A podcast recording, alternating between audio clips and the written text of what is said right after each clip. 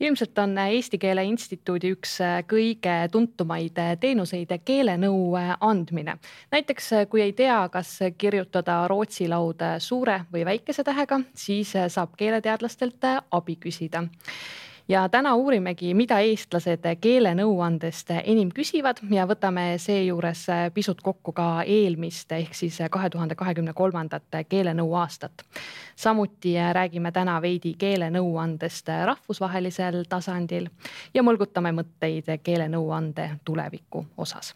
külas on EKI vanemkeelekorraldaja Maire Raadik ja EKI tänapäeva eesti keele osakonna juhataja Sirli Supping. head kuulamist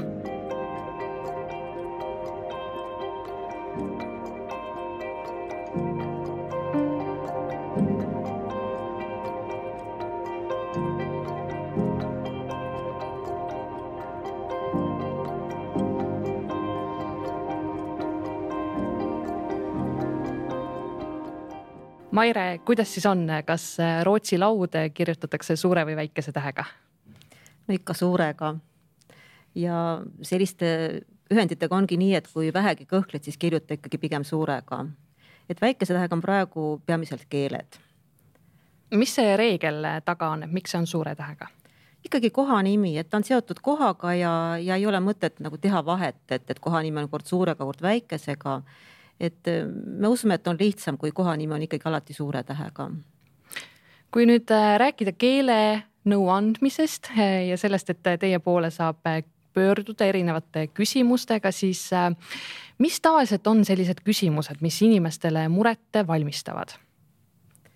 noh, tegelikult kõik, mida keele kohta saab küsida, seda kõike ka küsitakse aga ma tegin natuke eelmise aasta kohta statistikat ja kindlasti üks hästi suur küsimuste rühm on nimeküsimused, millele vastab siis meie nimekorraldaja Peeter Päll ja, ja nende hulk minu meelest kasvab pidevalt, et seal on isiku kui kohanime küsimused.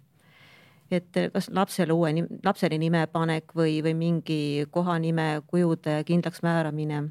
et neid on hästi palju. aga väljaspool nimeküsimusi ähm, kindlasti kirjavahemärgi küsimused. et eh, koma ja siis ka need kõik need teised märgid, ütleme koma, jutumärgid, eh, ka ütleme side ja mõttekriips, et need on hästi palju ja kolmandale kohale ma paneksin kokku lahkukirjutuse nime, kui rääkida nüüd nime küsimustest, siis eh, kas need küsimused ongi, et näiteks, et kas ma selle nime võin oma lapsele panna? Mm, sageli jah, et eks ikkagi vanemad tahavad panna selliseid huvitavaid nimesid ja siis nimekorraldaja siis aitab otsustada kas see sobib või ei sobi. kui palju kohanimede kohta küsitakse? ma niimoodi statistikat ei oska teha, aga ma arvan, et isikunime küsimusi on vist rohkem kuidas üldse keelenõu äh, töötab selles mõttes, et kui mul on nüüd keelega seotud äh, küsimus, näiteks seesama Rootsi laua näide, tahan teada, kuidas see kirjutatakse, siis kuidas ma abi küsida saan? on kaks moodust, kas haarata telefonitoru ja helistada, me vastame siis tööpäevadel nüüd natuke tööpäev on meil lühem, kui meil varem on olnud. et vastame siis üheksast kella üheni. ja teine võimalus, kui rääkida ei taha, siis saab saata meili, et meil on selline meilivorm lehel keeleabi.ee ja siis seal saab oma küsimuse teele saata. Sirli, kas sina ise oled keelenõust abi küsinud? ja äh, ma olen ühel korral pöördunud kirjalikult. ma õpetasin äh, umbes mingi kümme või kaheksa aastat tagasi ülikoolis äh, äh, üliõpilasi ja mingis aines tuli jutuks äh, mingisugunegi kokku-lahku kirjutamise teema, et kas sidekriipsuga kokku ja äkki seal oli veel suurtähtlühendi juures. ma unustasin vaadata järele, et Äh, keelenõu andmebaasist, et mida ma olen küsinud, sest see tõesti oli hästi ammu, mul endal meilides seda enam alles ei ole. aga jah, ma pöördusin ja ma mäletan just, et äh, ma olin selline äh, küsija kellel olid vastused juba valmis et ma küsisin ära ja siis ma panin kolm varianti. Ma arvan, et see oligi midagi sellist, et IT äh, infotehnoloogia osakonna juhataja või midagi sellist, et kas siis osakonna juhataja kokku ja IT, infotehnoloogia äh, lahku on ju, või infotehnoloogia osakonna juhataja. Mm, -hmm. eks ju, et kas nagu kolm sõna või kaks sõna. Ja siis veel, et kui kasutada lühendit IT kriips osakonna juhataja, et noh, mingid variandid olid seal. ühesõnaga ma mäletan, et ma panin äh, oma vastused ja siis kirjutasin juurde ka, et mida ma eelistan ja siis mulle tuli selline lühike vastus, et need kinnitavad seda, et see, mida ma, ma ise välja pakun, et see on päris hea variant. no sina ilmselt oled ka selline nii-öelda teadlik küsija olid selles mõttes, aga et äh, need küsimused, mis äh, tulevad, et kuivõrd on näiteks selliseid küsimusi, millele ei oskagi vastata üldse? Eh, no ikka tuleb ette ja, ja küsijatega on ka see, et sa pead nagu ära arvama, et kas ta tahab sult lühikest ja konkreetset vastust või ta tahab arutleda eriti telefoni teel, et, et seda ikkagi natuke tuleb nagu aimata, et, et mis meelsusega see küsija on. et mõni tahab lihtsalt jah või ei, aga mõni tahab tõesti pikemalt rääkida ja, ja tal on endal mingi seisukoht ja tahab kas sellele kinnitust või arutleda. aga ikka võib ette tulla küsimusi, kus me ei tea näiteks vahel küsitakse selliseid etümoloogia küsimusi, kust üks või teine väljend on tulnud ja ega seda alati ei õnnestugi välja selgitada et mingid asjad lihtsalt on nii, nagu nad on. ja näiteks küsiti, et on selline väljend, et siin on karvane käsi mängus, noh, kõik teame seda väljendit, aga üks küsija hakkas juurdlema, et kust see siis tuleb ja, ja otsisime kogu instituudiga. no jõudsime selleni, et inglise ja vene keeles on selline väljend, mingi õudusjutt on selle väljendiga, aga päris täpset vastust ei saanudki enne oli juttu sellest ka, et äh, osad inimesed helistavad ja siis vahel äh, tahavad inimesed päris pikalt äh, rääkida. no häirekeskus on sageli sellega hädas, et inimesed tahavad lihtsalt juttu ajada, et tegelikult neil ei olegi sellist otsest muret. kas keelenõuandesse helistatakse ka lihtsalt lobisemise eesmärgil? see on meil päris tuttav teema ja meil on isegi sellised püsihelistajad, keda juba hääle ära tunned, siis juba tead, et nüüd läheb pikemalt et mõned on sellised, kes mõtlevad hästi sügavalt sõnade tähenduse üle, nemad siis tahavad filosofeerida ja arutleda. mõnel on mingi isiklik mure. näiteks mäletan üht meest, kes helistas ehm, kahe termini asjus, mis oli õigusaktides aga siis me rääkisime, rääkisime, rääkisime pikalt ehm, kooreüraskitest, ehm, keskkonnakaitsest ja Rail Balticust ja lõpuks ütles ise ka nii kenasti, et, et ma olen kodus kõik juba ära tüüdanud, et noh, ta otsis nagu uusi väljundeid sellist keelenõud on, nõu on tegelikult antud ju päris äh, pikka aega, üle viiekümne aasta mhm. tegelikult. kui see alguse sai, siis kuidas see alguses toimis, et jah, et praegu inimesed saavad e-kirju näiteks saata, aga kas siis helistati või tuli paberi peal kirju, kirju? no alguse all tuli ka paberi peal kirju, et meil isegi on päris hulk kaustu, kus need kirjad on kõik alles hoitud aga algul ikkagi helistati, et oli, ütleme selline sektori üldine number ja sinna võis siis helistada ja olid kaustikud algul sellised vihikulaadsed, hiljem suuremad ja sinna pandi kõik kirja. ja praegu me sisestame kõik need küsimused-vastused arvutisse, see on ikkagi tohutu kergendus, sest äh, alati saad vaadata, kas seda on varem küsitud, mis on vastatud. aga siis ei aidanud muud, kui läksid kõrvaltuppa vanema kolleegi juurde ja küsisid, et vaat selline mure, et kas on varem küsitud ja mis ma nüüd teen. Need kaustikud ilmselt olid siis ikka päris suured, jah? Äh, jah, neid ikka on, ikka seal meil riiulis reas aga nüüd, kui kõik on äh, internetipõhine, siis äh, on hästi mugav äh, üles otsida neid kohti või on seal ka, kuna küsimusi on nii palju, et siis see võtab ikkagi aega? ei, ikka leiab kohe üles, et kui on varem küsitud, siis saab kohe kontrollida, et, et annaks sama, samamoodi nõu Sirli, sina õpetad ju ülikoolis tudengeid ka või oled õpetanud, mis sa tudengitele õpetanud oled, mis aineid mm? -hmm kui me selles keelenõu äh, kontekstis räägime, ma olen, olen õpetanud ka muud, aga et kui keelenõu kontekstis räägime, siis kõige otsesemalt haakub äh, aine akadeemiline eesti keel ja eesti keele väljendusõpetus. Eesti keeles suuline ja kirjalik väljendusõpetus ja ma olen õpetanud aastast mm, kaks tuhat kolmteist, ma arvan, seda ainet või kaks tuhat neliteist vahepeal siin hiljuti oli neli aastat pausi, kus, kui ma töötasin ministeeriumis, aga nüüd siis äh, Tartu Ülikool selleks sügissemestril võttis jälle minuga ühendust, et ma õpetaksin loodus- ja täppisteaduse äh, valdkonna üliõpilastele siis kolmanda kursuse bakalaureuse tudengitele. Mm, väljendusõpetuse ainet ja seal siis üks osa tõepoolest on ka ähm, siis keeleline pool ehk et noh, õige kiri otsesemalt öeldes äh,. kuigi üsna suure mahu selles aines võtab enda alla hoopiski mm, akadeemilise teksti lugemine, kirjutamine, viitamine äh, vastavalt siis oma eriala äh, viitamisnõuetele, aga et keeleline osa siiski ka sees, eriti siis kirjalik ja just vaatasin ka järele, võib-olla sa tahadki küsida selle kohta, et mille vastu üliõpilased tunnevad kõige rohkem huvi just keelelise keele või et millist keelenõu nemad vajavad, jah mm? -hmm. ma kõigepealt tegelikult tahtsin no. küsida seda ka, et kui palju sa üldse julgustad tudengeid mm -hmm. küsima keelenõust nõu? ma ei julgusta neid üldse küsima.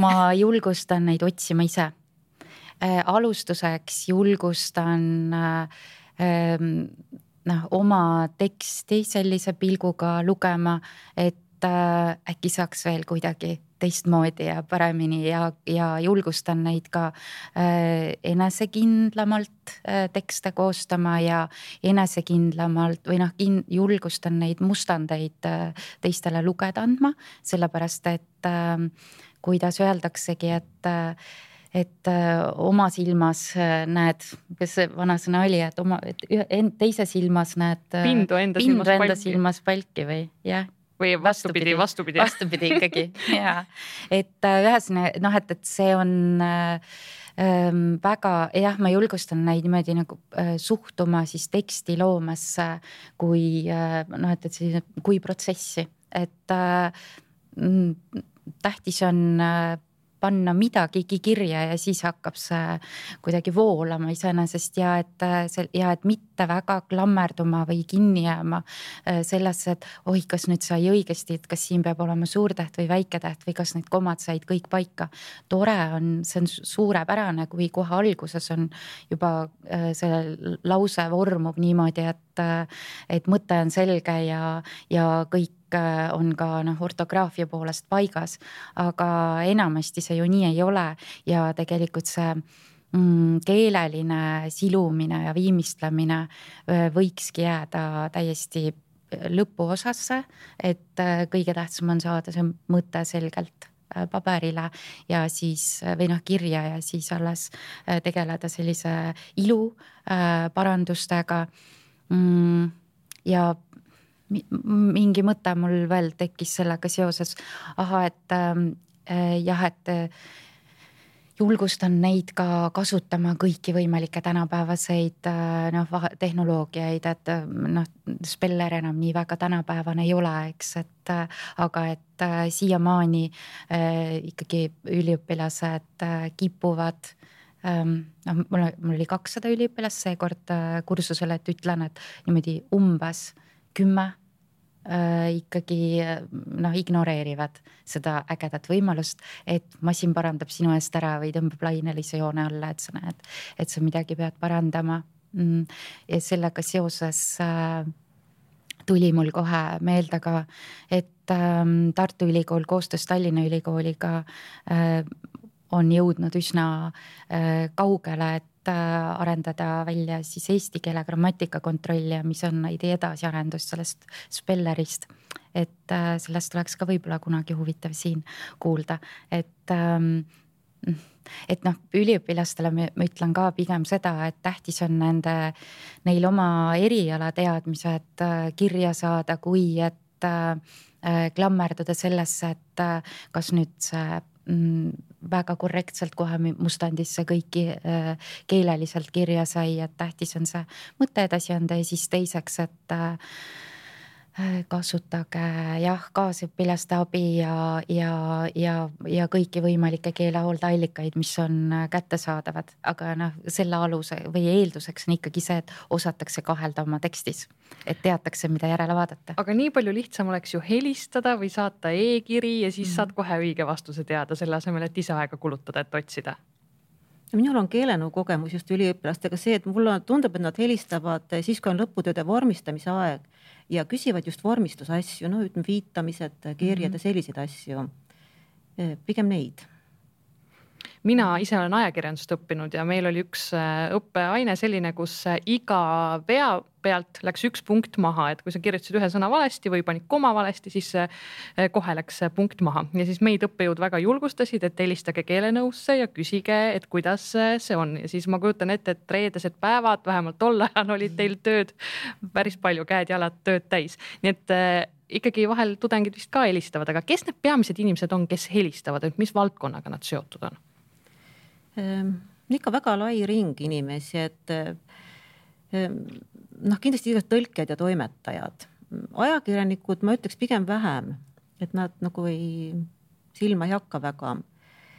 Ehm, siis on ka sellised, kes on hommikul lugenud värskest ajalehest midagi huvitavat või õhtul AK-st kuulnud ja need siis tahavad rääkida, sageli nad on noh koolis õppinud teistmoodi ja tahavad siis küsida üle, et kuidas selle asjaga nüüd on ja siis üks rühm on äh, kindlasti õpetajad ja murelikud lapsevanemad. Äh, ja meilegi on päris kaelamurdev vahel teha mm, töövihiku harjutusi mõne lapsevanemaga, sest kui helistatakse, siis on ikkagi probleem juba raske ja me ka iga päev ju lauseliikmeid näiteks ei määra oma töös.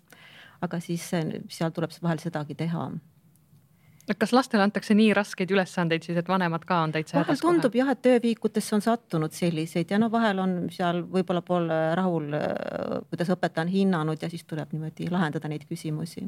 Teil on tõesti seinast seina kõike küsitakse ja kõik küsivad põhimõtteliselt? enam-vähem küll jah, ja on püsiküsijaid ja on ka selliseid, kes on esimest korda ja, ja igasuguseid seda saab ju selles mõttes anonüümselt ka teha, et kui ma helistan, siis ma ju ei pea ütlema, kes ma täpselt olen, et olen ajakirjanik. ja, ja paljud ei ütlegi, aga noh, küsimusest tuleb mõnikord välja, et, et kes kust on, aga ei, ei pea ütlema ja paljud ei ütlegi kui nüüd äh, vaadata tagasi äh, möödunud äh, aastale ehk kahe tuhande kahekümne kolmandale aastale, siis mille kohta kõige enam küsiti?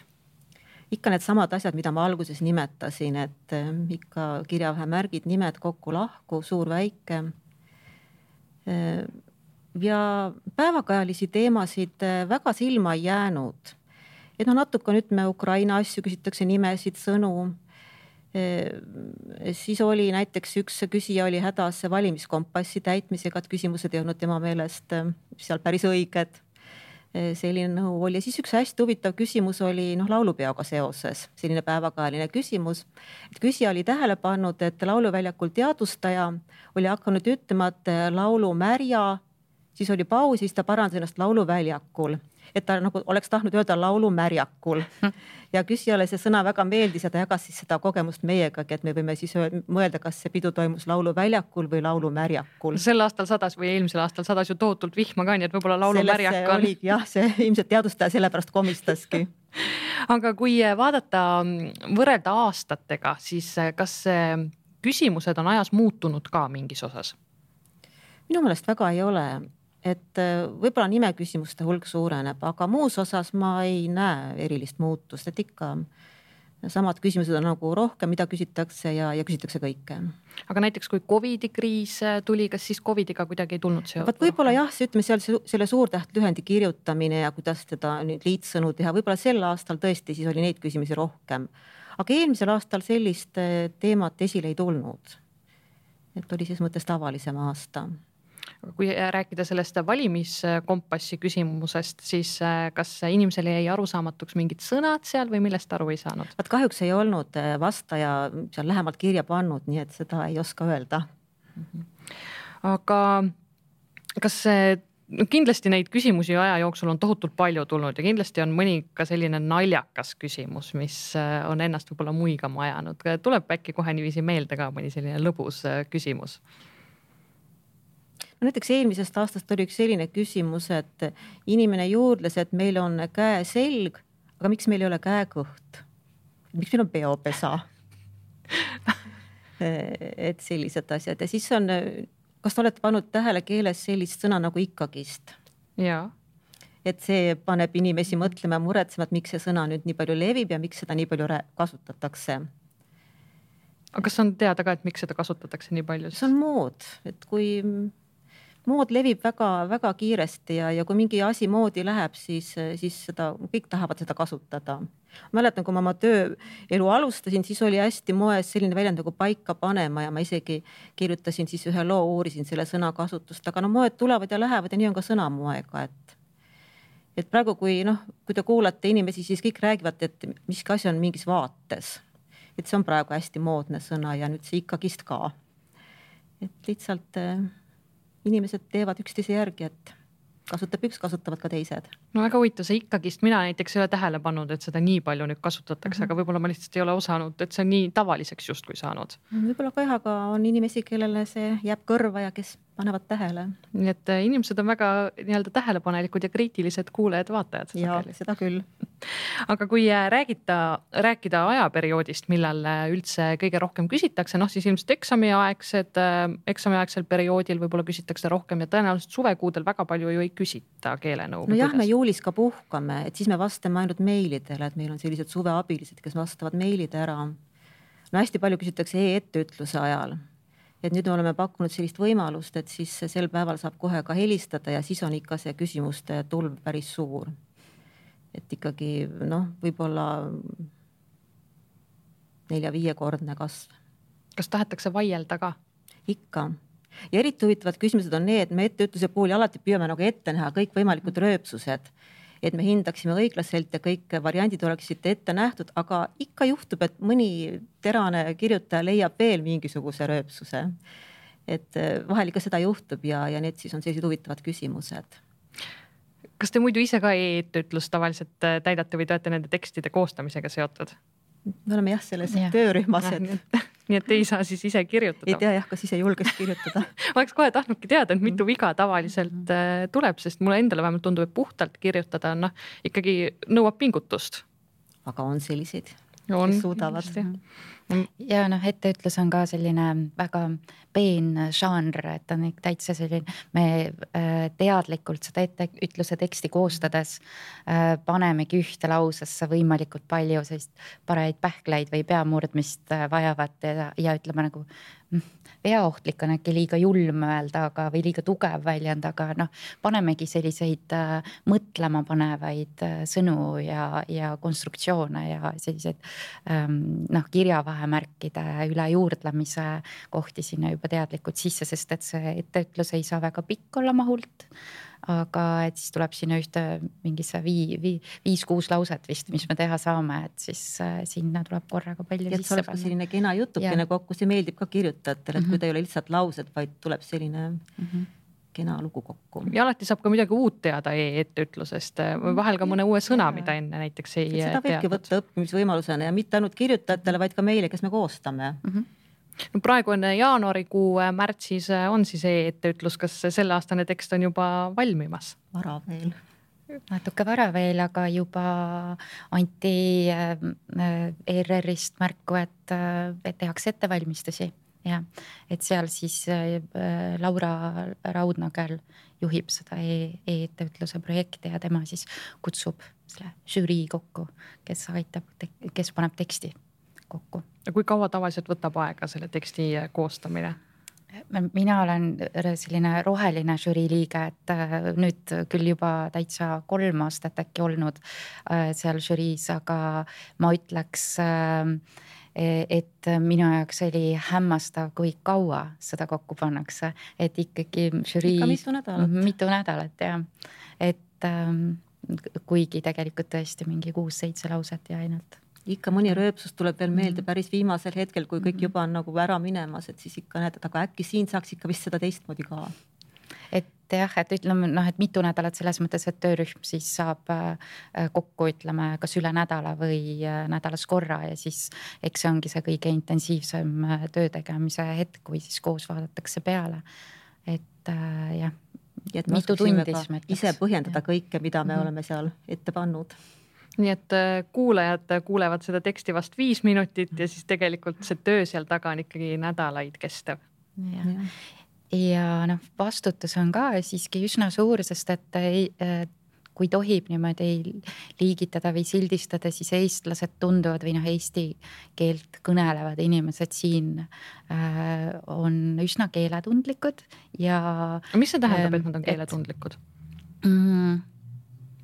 Äh, võib-olla äh, tegelikult ma ütleks, et e-etteütluse kirjutajad on keeletundlikud selles mõttes, et või keeleteadlikud ja keeletundlikud jah, et äh, see tähendab seda, et nad tunnevad ennast puudutatuna, kui ähm, nad kas on millestki varem või et nad saavad siis teada, et et ta justkui ei teadnud seda, ma ütlen jutumärkides nüüd õigesti kirjutamise viisi. Äh, või et ta oli koolis kuidagi valesti aru saanud või ära õppinud ja siis nüüd selle e-ütlusega mingi äh, nüanss äh, tuleb välja, et äh, kas ta ei teadnud või ta teadis vildakalt, siis ta kuidagi, mulle tundub, et ei anta endale nii kiirelt andeks, et ähm, mm, seda äh, lünka ja, ja siis äh, selle pealt siis tuleb ka omakorda neid äh, pöördumisi ja vaidlusi ja, ja järelepärimisi, aga see on väga põnev.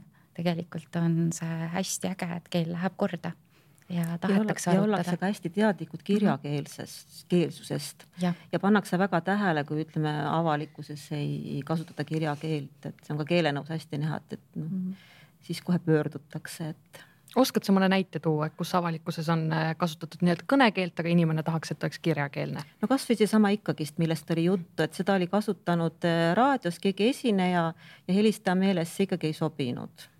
et, et, et see oli tema meelest kontekst, kus peaks kasutama siis kirjakeelset sõna aga kui palju seda on, et noh, keel ajas ju muutub päris mhm. palju ja et ongi, et inimestel on mingisugused, et nad on omal ajal mingeid asju õppinud, mis justkui olid õige, aga nüüd see on vabaks lastud ja võib ka teistmoodi ja inimesed ei taha justkui kohaneda selle kõigega noh, ikka on ja mõni, mõni reegel kohaneb väga aeglaselt, no meie klassikaline näide on see lühendi reeglistik, et ta on juba nelikümmend, viiskümmend aastat vana, kui võib lühendada ilma punktita, viiskümmend veel ei ole, see on palju öeldud. Aga võib lühendada ilma punktita, aga ikkagi on veel inimesi, kes pole seda tähele pannud ja kes on koolis õppinud teisiti ja see reegel pakub siiamaani üllatusi. Mm. ja väiketähtlühend ja et see on äh, ja, tegelik kaheksakümne kolmandal aastal vist või kaheksakümnendate alguses siis äh, tollane siis mm -hmm. keeletoimkonna äh, keeletoimkond otsustas ja. too mõni näide, kuidas enne oli, kuidas nüüd siis võib? jah, et no näiteks ja teised, eks, et oli äh, ainult punktiga lühendamine ja kaheksakümne kolmandal või midagi sellist otsust soovitati, jah eks, et äh, see ilma lühendita või ilma punktita äh, väiketähtlühend on äh, noh, mõistlik, ökonoomsem, sellepärast et lühendi eesmärk ongi olla lühike. aga paraku me peame siiani, siiamaani ikkagi põhjendama ka mina üliõpilastele, et uusima õigekirja soovitus, õigekirja soovituse järgi, mis siis on aastast tuhat üheksasada kaheksakümmend kolm kirjutatakse väiketähtlühendeid ilma punktita, aga kui keegi kirjutab väiketähtlühendi punktiga, siis loomulikult see ei ole viga, sellepärast et kui ta läbivalt tekstis niimoodi kasutab, see noh, me ei saa kuidagimoodi nagu anda sellist laastavat hinnangut, et see on nüüd viga, aga võiks alati nagu mõelda, et tõesti see ökonoomsuse äh, printsiibi järgi kasvõi, et mis on mõistlik. kui inimene on õppinud koolis mm -hmm. teisiti, siis on tal alati ja. võimalus jääda selle juurde, et ta ei mm -hmm. pea juurde õppima, aga võib, kui tahab enne oli juttu ka, et kirjavahemärkide kohta äh, saab küsida, mulle tundub, et telefoni teel kirjavahemärkide kohta päris äh, raske küsida, kas helistatakse vahel ja loetakse lause ette, et kuhu siin koma käib? ikka, no ikka anname ka telefoni teel, mul endal oli kunagi üks selline juhtum, kus lause oli nii salajane, et küsija ei saanud seda mulle öelda, aga küsimus oli kirjavahemärkides, ma ei mäleta tõtt-öelda, kuidas me selle lahendasime aga kirjaväemärgi küsimused tegelikult jagunevad kaheks, et ühed on hästi lihtsad, et see on kõrvallause koma või üttekoma aga teised on väga keerulised ja neid saadavad meile meili peale just tõlked ja toimetajad ja ütleme, eriti ilukirjandustekstides eh, tuleb päris keerulisi kirjavahemärgi küsimusi, et seal on kas mitu märki on koos või, või on otse, ühe otsekõne sees teine otsekõne ja need on hästi huvitavad küsimused. et see on nagu kaks tasandit kui palju inimesed äh, näiteks küsivad sidekriipsu ja mõttekriipsu erinevuste äh, osas? ikka küsivad. Äh, et see on ka jah üks, üks päris sage küsimus. ja vahel küsitakse ka seda, kuidas seda pikka kriipsu saab ja aga kas on mingit sellist lihtsat reeglit, et kuidas jätta meelde, et millal on sidekriips, millal on mõttekriips? Eh, no oleneb jah, et millest me räägime, näiteks arvude puhul on minu meelest hea lihtne reegel see, et kui ütled kahe arvu vahele ja, siis on lühike kriips, kui ütled kuni, siis on pikk kriips.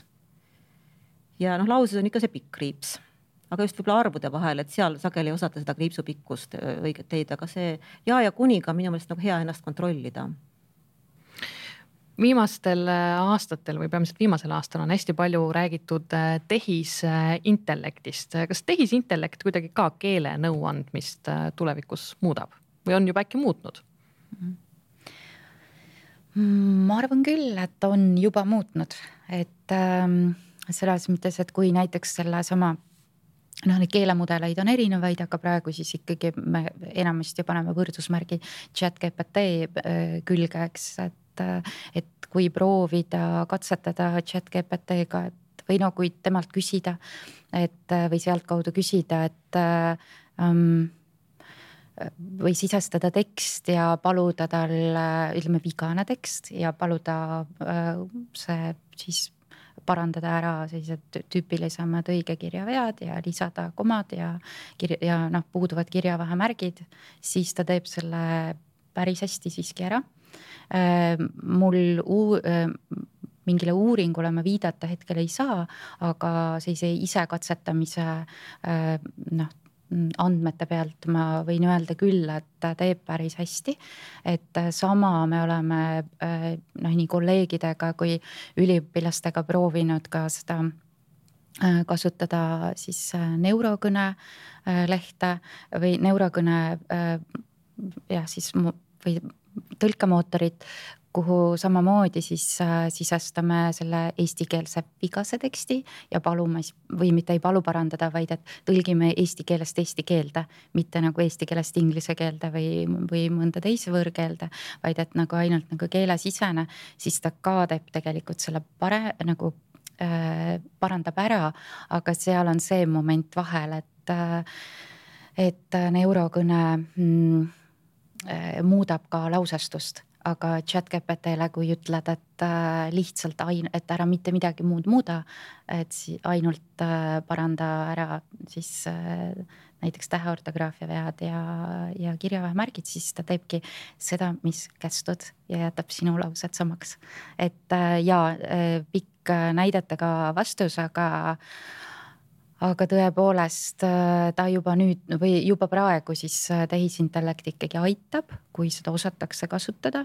Mm, ja me, mm, ma arvan, et meil Eesti Keele Instituudina on ka äh, vastutus ja ülesanne äh, siis äh, keelekasutajatele lähemale tuua neid tehnoloogilisi võimalusi, et kuidas mm, saaks keelenõu võib-olla juba enne küsimist või juba isegi enne küsimuse tekkimist juba vaikimisi ära lahendada. Eh, või vastata juba nagu vaikimisi ära, et, et, et sel, me tegeleme sellega, mõtestame, arutame kogu aeg, et kuidas, kuidas saaks, aga noh, sellised käegakatsutavamad mm, noh, noh, ütleme, et chat GPT äh, sugust äh, keelemudelit me kindlasti Eestis ise ma arvan, lähiajal ei suuda äh, valmis teha. aga et äh, me saame suunata noh inimesi kasutama ja teine asi, et äh, mm, me saame ise kasutada tehnoloogilisi võimalusi, et, et siis mingit mm, et näiteks võtta kasutusele mingi keelekratt või noh, riik pakub meile praegu bürokrati tuge, et me üritame siin lähiajal ka katsetada seda, et, et mingit tüüpi keelenõu küsimused, mida suudaks masin ära vastata siis olemasoleva äh, inimeste vastatud äh, noh, keelenõu andmebaasi pealt. et kui ta suudab tuvastada ära, et, äh, et mis liiki küsimus on, ahah, pikk kriips või see sidekriips, kunikriips või noh, mingid sellised lihtsamad variandid. et ilmselt tähendab jah, et kui suudab ära tuvastada töötame selle nimel, et masin suudaks tuvastada ja siis äh, otsida vastust sealt äh, sellest juba vastatud baasist. teame, et selle risk on see, et mm, inimene tahab saada nõu inimeselt, kui ta juba küsib ja teda ei pruugi rahuldada see, et et sind, sulle antakse mingi umbmäärane vastus või mitte mingi analoogne näide või et et, et saad juba vastuseks selle, et sinuga ei räägi inimene, vaid robot, et äh, ole kannatlik ja mm, palun arvesta, et äh, see vastus ei pruugi olla noh, täiesti see, mida sina ootasid ja, ja siis äh, noh, see selline inimene-robot suhtluse ähm, raskusi ja, ja kergusi ka mingis mõttes peame kindlasti arvestama. aga kindlasti kõik lahendatav, ma arvan, et sama palju nagu on neid, kes ei soovi, kes soovivad Äh, inimene inimesega kontakti, täpselt sama palju võib olla ka neid, kes tahavadki, et tal oleks vastas robot jah, sest mina näiteks mõtlen, et mina ei taha tülitada teist mhm. inimest, et noh, ma tean, et mul on see võimalus olemas, et ma võin helistada, aga mina pigem ise tavaliselt otsin. ja noh, robot on hea võimalus, kelle käest küsida, et siis tema aega ma ei raiska, et kui on näiteks rumal küsimus, kuigi noh, tõenäoliselt ei vaata neid niiviisi, et oi, see nüüd küsis rumala küsimuse jah, kõik ei tahagi ju inimesega rääkida, et eh, seda näitab ka see telefoni ja meilikõnede vahekord, et on inimesi, kellele sobib rohkem kirjutamine. Ja eks meilile vastamine on ka natuke nagu aimamine, et eh, telefoni teel saab küsida lisaküsimusi, et kas te mõtlesite seda või, või toda, et vahel oleneb vastus sellest. aga noh, meili teel siis lisaküsimusi küsida ei saa, et peab siis lihtsalt ise ära arvama või pakkumagi nagu robotvariante, et. aga tulevik ikkagi on eh, roboti nägu või? Ehm, see on väga hea küsimus, me ei oska ilmselt äh, tulevikku ennustada, mis võib olla täiesti juba noh, vaadates praegu siis seda keelemudelite kiiret arengut, et see võib olla, tulevik võib meil ka noh, äh, selline, et me ei pruugi teada ka, mis äh, toim-, mis, milline areng on äh, toimunud kahe tuhande kahekümne viiendaks aastaks, aga äh, tähtis on jälgida kogu aeg ja silm peal hoida ja, ja kogu aeg ka ise katsetada, et, et äh, me niimoodi rongist maha ei jääks. raske vastata sellele, et kas tulevik on roboti nägu mm, ma mõtlesin selle peale tegelikult enne ja olen varem mõelnud ka nende selliste noh teemade juures, et mm, ma ikkagi arvan, et inimene tahab, tõesti isiklik tunne, et äh, ma arvan, et inimesed tahavad, ähm, et jääks alles see inimene-inimene kontakt äh, või noh, kontakt teise inimesega ja mm, võib-olla kui ma saaks ise seda kuidagi suunata ja juhtida. et siis ähm, kui me räägime nüüd keelenõu ja tehisintellekti, äh, tähendab, et keelenõu teenuses tehisintellekti kasutamist, et kui saaks ise kuidagi suunata, siis ma arvan, et äh, see võiks niipidi minna, et, et need mm, tüütutele ja sellist automaatselt nagu noh, ütleme, et korduvatele küsimustele vastamise võtab üle robot et ta tuvastab ära, mida inimene soovib ja vastab sama viisakalt nagu inimene. aga et ta saab äh, ki- ja ta saab kiiresti vastuse antud, et äh, ütleme, et sellised nagu noh äh, korduvatele küsimustele vastamise võtab robot üle, aga sellised spetsiifilisemad ja arutlemist ja, ja võib-olla noh, uurimist nõudvamad äh, küsimused, keelenõu küsimused jäävad ikkagi inimeste vastata. aga see robot siis peaks ilmselt tuvastama, et mis on see tüüpiline küsimus ja mis see, mm -hmm. see küsimus siis, mis inimesele suunata, jah? noh, näiteks jah, seda me, me alles äh, praegu, me, me ei ole isegi katsetanud veel praegu seda keelekratti või bürokratti äh,. aga mm, teeme alles esimesi samme seal ja, ja püüame olla väga äh, noh Mm, väga lugupidavad ja, ja diskreetsed ka siis noh inimeste suhtes, kes keelenõu äh, küsivad, sellepärast et ähm, jah, et, et tundub, et noh, kuna keel on meie identiteedi osa, siis äh, ma nüüd väidan seda nii, nagu ma oleks uurinud, aga et noh, me ikkagi mõtestame läbi äh, keele ikka oma identiteeti ka ja siis, kui äh, inimene oma keele küsimuse peale saab mingi ähm, sellise mm, rutaka või tormaka või veidi nähvava vastuse, mida meie üritame vältida, eks. et kui saab sellise rutaka, siis see võib kuidagi nagu tal te, puudutada tema tundeid ka koha pealt, mida me üldse ei tahaks, eks ju, et, et aga ähm, jah ma arvan, et ma vastasin ära, mis ma mõtlesin. Maire enne mainis, et äh, on selline nii-öelda andmebaas teil ka, et need kõik küsimused on äh, nii-öelda talletatud, et on teada, mida küsiti. aga kas see on selline andmebaas, mida teie ainult näete või äh, seda saab kuidagi vaadata ka? no praegu on ikkagi jah, meie enda kasutuses meie tööbaas, aga see sugugi ei jää ainult meie enda nii-öelda lauasahtlisse, sest me kasutame, pidevalt anname sealt ka välja et me oleme hästi palju kirjutanud nende keelenõu küsimuste põhjal, me oleme andnud, pannud kogu kuus kogumikku Keelenõuanne soovitab ja seal kõik need artiklid on just valminud keelenõu küsimuste põhjal, et oleme mingeid küsimuste rühmi läbi töötanud, analüüsinud ja siis kirjutanud kokku. Ja praegu on kaks head väljundit, on EKI teatmik ja, ja sõnaveeb. Et noh, peaaegu igal keelenõu päeval tuleb näiteks mõni selline küsimus, mis annab põhjust teha ühendsõnastikku mõni uus sõnaartikkel ja vahel on see otse selline mingi sõna, mida küsija küsib, aga vahel tuleb tema jutust välja, näiteks mul oli viimasel keelenõu päeval, teema oli hoopis midagi muud, aga ma panin tähele, et küsija kasutas sõna digistress. Ja hakkasin vaatama, et tõesti keeles on selline tore sõna olemas ja sõnastikus polegi veel, nii et siis on kohe hea võimalus see sõna sinna lisada. Aga praegu on käimas ka eri riikide keelenõuandlet, nõuandlate ühisprojekt Telmer ehk Tell me how to say it right. mis projekt see on mm? -hmm. ja äh, see on nüüd mm, Erasmus pluss äh, siis programmi projekt Eesti ja Tšehhi koostöö lõpeb juba märtsis ära, oligi üheaastane projekt ja need tulemused on juba meil ka käes, aga eesmärk oli kuidagi hästi lihtsalt öeldes, eesmärk oli äh, taustal rahvusvaheline koostöö, et õppida noh üksteise kogemustest, aga, aga põhiline eesmärk ikkagi arendada keelenõuandjate, keelenõustajate professionaalset arengut ja kuna see oli ainult aastane projekt, et siis me keskendusime äh, sellise tulemusena või tegevusena kahele äh, asjale.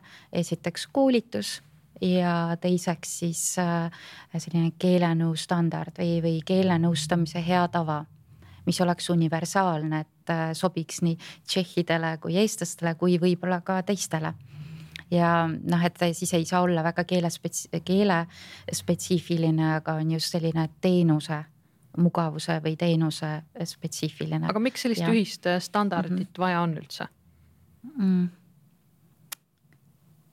Jah, see on hea küsimus, ma ise ei kirjutanud seda taotlust, aga no proovime siin praegu mõelda, et milleks seda vaja on, et äh, ma arvan, et seda on vaja selleks, et äh, mm.?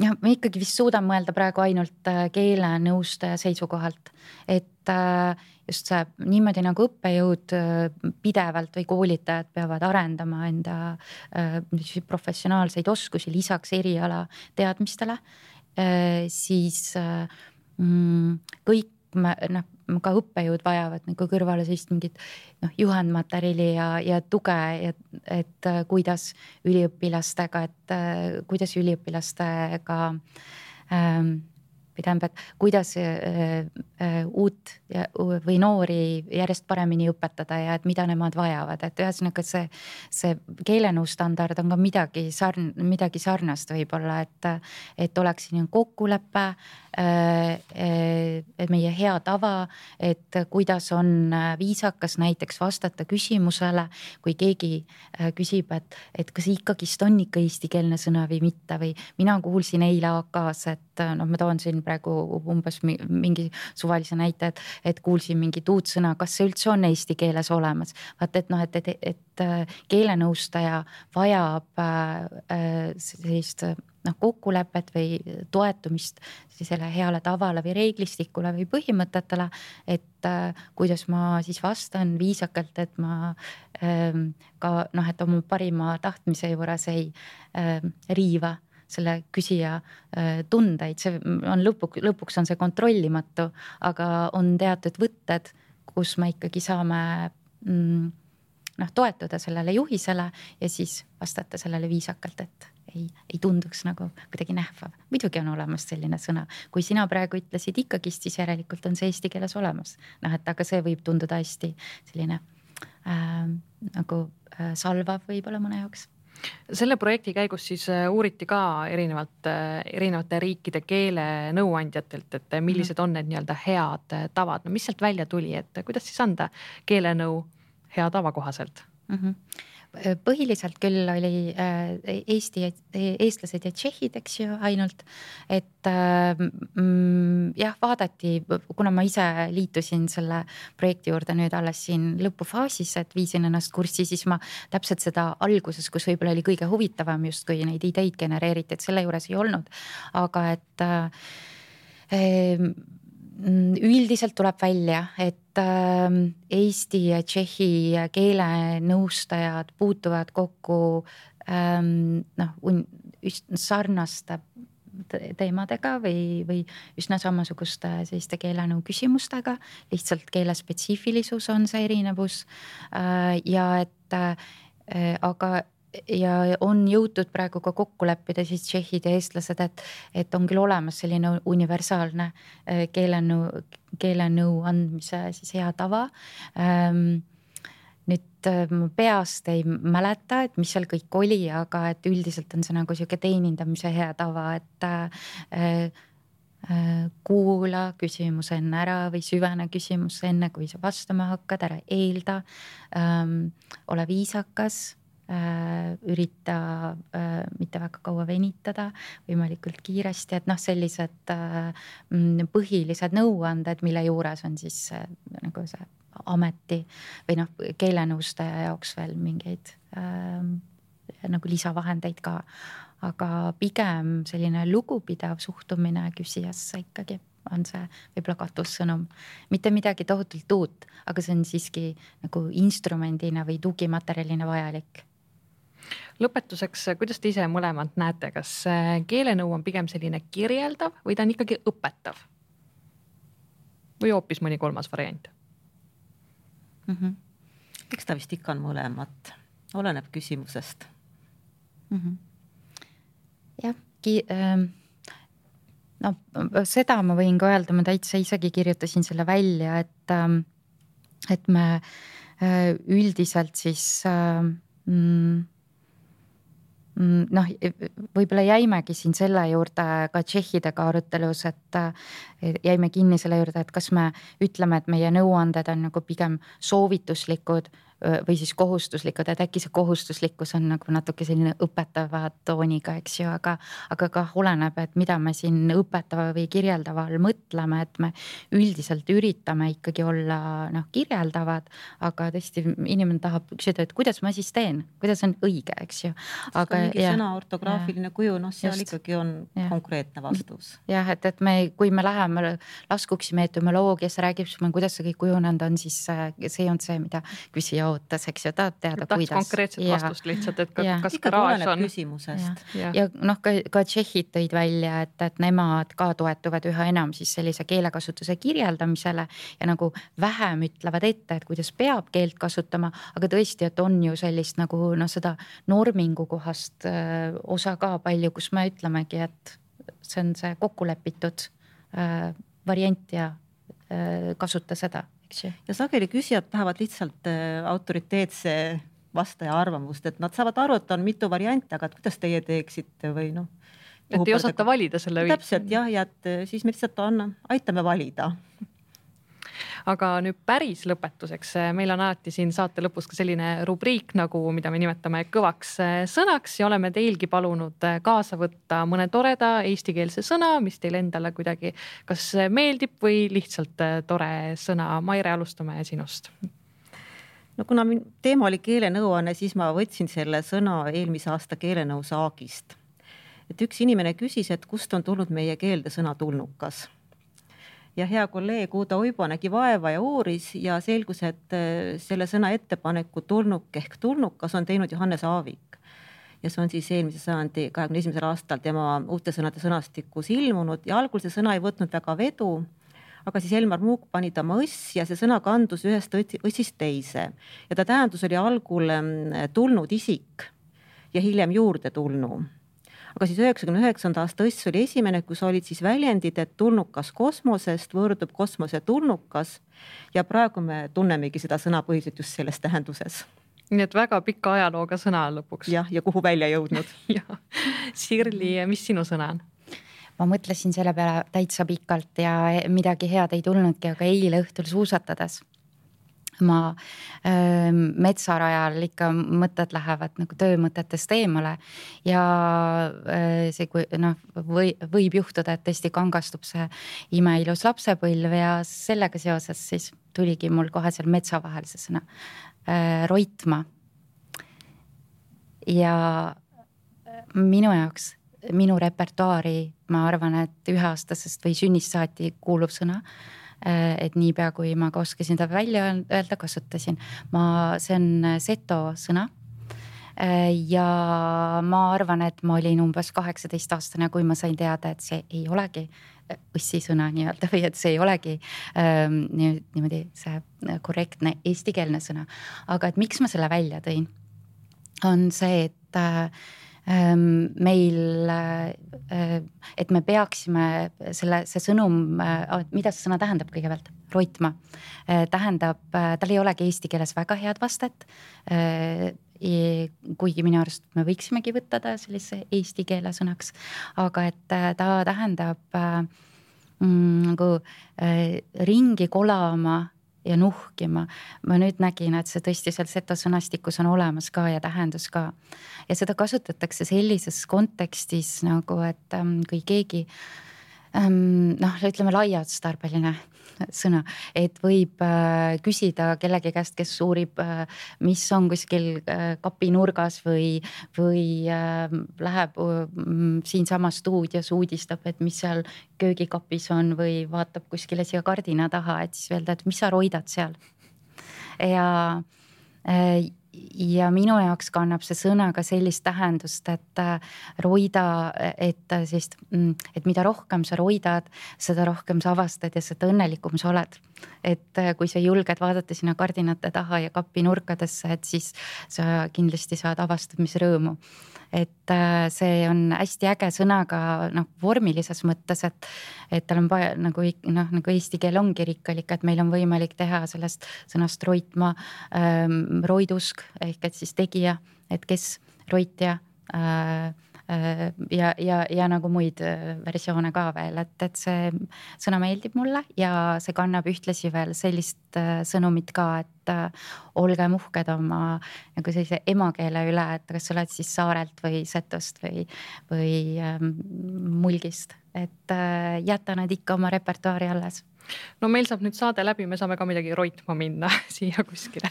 aga aitäh, Sirli Supping ja Maire Raadik täna saatesse tulemast ja teiega, head vaatajad ja kuulajad, kohtume juba järgmises saates